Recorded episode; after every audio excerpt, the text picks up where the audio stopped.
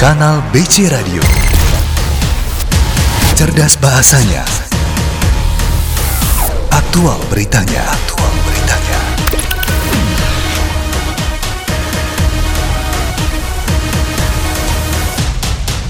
Komitmen kami jadikan bea cukai makin baik. Kanal BC present The Radio Show.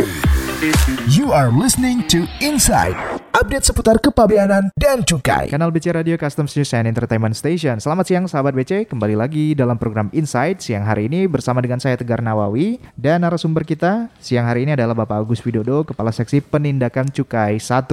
Nah, sahabat BC masih dalam obrolan kita siang hari ini adalah mengenai campaign gempur rokok ilegal. Di segmen sebelumnya Pak Agus sudah menjelaskan ya eh, apa sih sebenarnya yang dilakukan eh, dalam sandi gempur rokok ilegal ini, terus apa saja yang sudah dihasilkan melalui um, uh, campaign ini ya. Dan ternyata uh, informasi dari Pak Agus adalah pen, uh, penindakan dari barang kena cukai berupa hasil tembakau ini ternyata uh, meningkat ya apalagi di tahun kemarin selama masa pandemi 2020.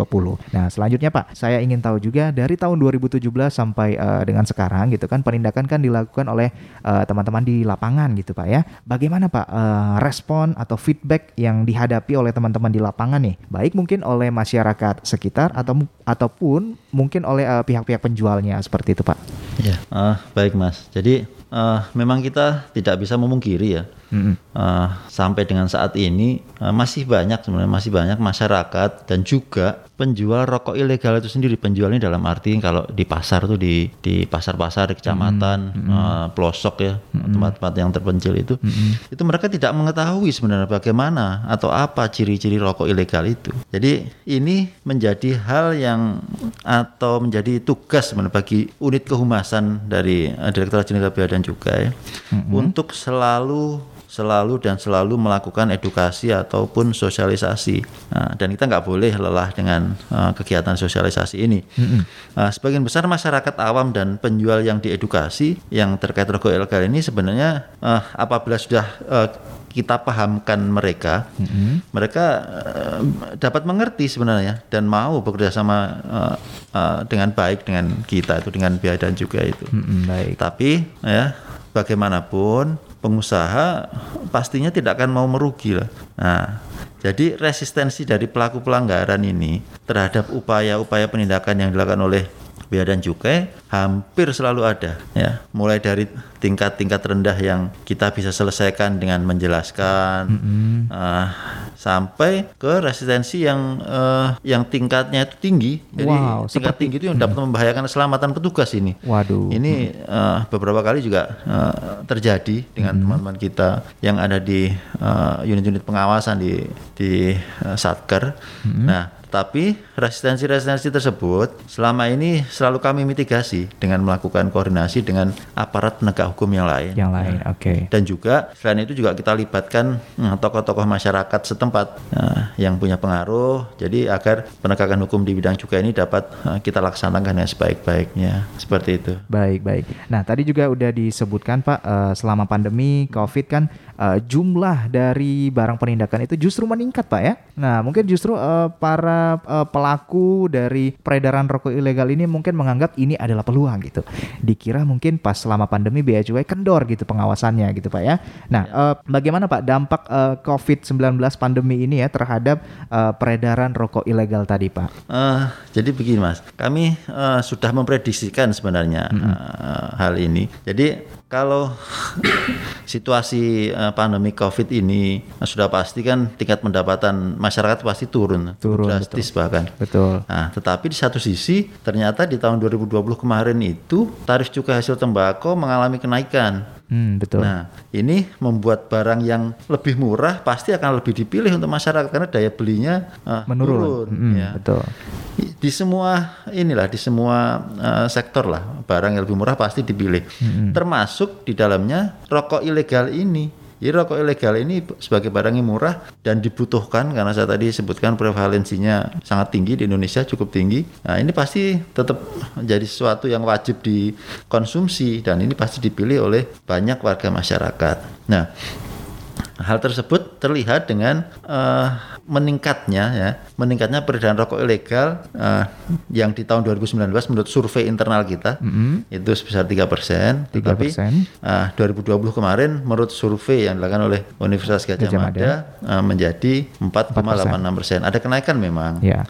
Ada kenaikan, walaupun kenaikannya tidak sebesar prediksi yang dilakukan dari hasil penelitian oleh teman-teman dari Universitas Brawijaya. Brawijaya, Ya. oke. Eh, jumlah presentasi peredaran rokok ilegal menurut survei tadi yang Bapak bilang kan di tahun kemarin 2020 sekitar eh, 4% hampir 5% gitu Pak ya. Mungkin nggak sih Pak menurut Bapak nih ya, mungkin nggak sih eh, kita sampai kepada suatu titik di mana tingkat peredaran rokok ilegal itu 0% gitu. Mungkin eh, kalau kita melihat eh, jenis-jenis pelanggaran yang lain ya, mungkin sama sepertinya mas. Jadi samanya dalam artian kita kalau menurut saya tingkat pelanggarannya kayaknya hampir tidak mungkin kalau 0% itu. Hmm, baik. Ya, khususnya terkait rokok ilegal ya. Ya. Nah, bahkan eh, kalau di kawasan Asia Pasifik ini tingkat peredaran rokok ilegal di Indonesia itu sebenarnya tergolong rendah. Coba kalau kita bandingkan dengan Malaysia yang rokok ilegalnya lebih dari 50% yang ada di Lebih dari berapa Pak? Sorry. 50%. 50% Iya. peredaran rokok ilegalnya. di Malaysia. Wow, oke. Kemudian di Vietnam,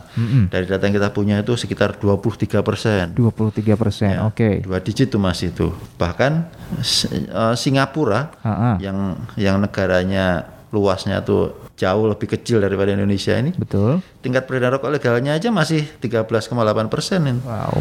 Ya, dari studi ini dari studinya dari Oxford Economics ini. Oke. Jadi kita eh, tidak mengada-ada sebenarnya. Ah, Ya, betul, mereka- betul. Nah, kita melihat data yang ada di eh, kawasan Asia Pasifik. Oke. Seperti itu, Mas. Oke baik. Nah eh, selanjutnya Pak dari eh, tadi kan Bapak bilang eh, apa jumlah barang penindakan eh, rokok ilegal ini kan semakin meningkat nih ya.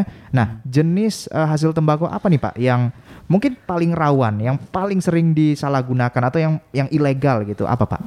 Ya, kalau kita bicara mengenai hasil tembakau yang rawan eh, atau eh, sering di, diperjualbelikan secara ilegal, Mm-mm. sudah pasti kita harus melihat mana sih sebenarnya yang punya disparitas Harga. antara yang legal dengan ilegal, Ilegal, itu iya. eh, paling tinggi kan. Nah, kalau kita lihat dari situ, otomatis hasil tembakau yang paling rawan untuk diperdagangkan secara ilegal adalah eh, sigaret kretek mesin atau SKM ya.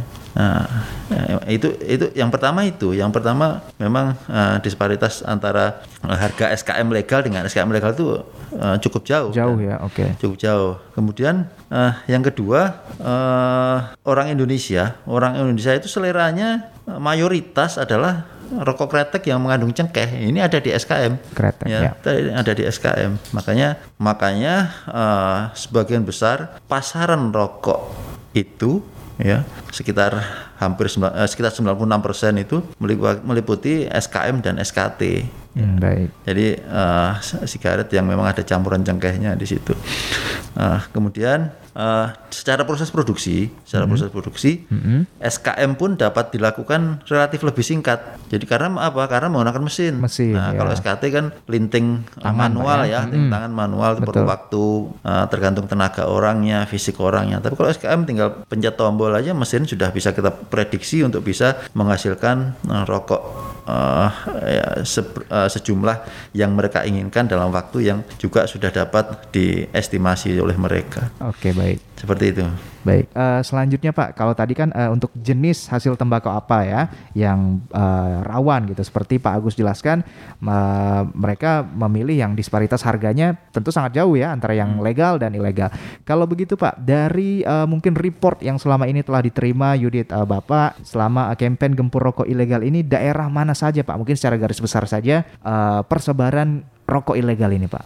Iya, eh, baik Mas. Jadi kita membagi eh, wilayah untuk kegiatan hasil tembakau itu ada tiga sebenarnya. Baik. Yaitu yang pertama daerah produksi, kemudian eh, wilayah distribusi dan wilayah pemasaran atau wilayah pasar. Oke. Nah, kalau kita bicara di mana sih sebenarnya rokok ilegal ini yang paling laku, sudah pasti yang pertama di wilayah-wilayah yang daya beli masyarakatnya itu relatif rendah. rendah, ya. ya. Jadi kalau kita lihat di daerah-daerah yang uh, banyak uh, perkebunan di situ, ada banyak pekerja-pekerja per- perkebunan, kemudian kampung-kampung nelayan, ya. Mm, betul. kemudian di daerah-daerah pertambangan. Nah, itu menjadikan wilayah-wilayah itu menjadi uh, wilayah yang subur untuk pemasaran rokok-rokok ilegal. Nah, dari data-data yang kita punya, uh, memang di uh, sepanjang Sumatera, Sepanjang kemudian Sumatera, oke. uh, pedalaman Kalimantan, juga Sulawesi, ya. Itu menjadi daerah-daerah pasar yang uh, sampai saat ini kita masih temukan memang uh, masih beredarnya rokok-rokok ilegal itu. Oke. Seperti itu. Daerah situ Pak ya. Iya. Oke baik. Nah kalau gitu sahabat BC kita akan break lagi terlebih dahulu. Kita akan masuk ke sesi terakhir obrolan kita siang hari ini bersama dengan Bapak Agus Widodo masih membahas mengenai eh, gempur rokok ilegal. So jangan ke mana-mana stay tune di kanal BC Radio. Kanal BC Radio, cerdas bahasanya, aktual beritanya. Mengudara untuk menemani hari Anda dengan informasi terkini seputar kepabeanan dan cukai.